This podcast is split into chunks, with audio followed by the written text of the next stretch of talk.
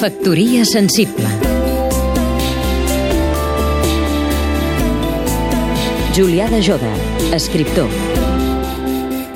Ahir diumenge la sala Laia de la Filmoteca era plena de gom a gom pels assistents a la projecció d'una pel·lícula de l'any 1966, Uccelacci Uccellini, de Pierpaolo Pasolini. Cal dir que en altres sessions dedicades al mateix cineasta, el públic havia respost amb un nivell d'assistència semblant. Què té Pasolini que pugui atreure avui dia un públic format per homes i dones grans i joves, solitaris, aparellats, cinèfils i no? A propòsit del nostre autor, un dia de juny s'ha de celebrar al Centre de Cultura Contemporània de Barcelona un debat sobre o contra l'homogenització de la cultura.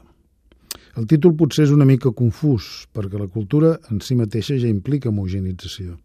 Escola, llengua, visió de la història, pautes de consum, manera de vestir codis comunicatius en distints formats... Tot tendeix a la uniformització sota el dictat de la norma històricament establerta. És l'art que no tolera l'homogenització, la uniformitat. És l'artista que no pot ser encotillat, domesticat. Certament un escriptor sempre acudirà a un diccionari, però per fer un ús particular de les paraules.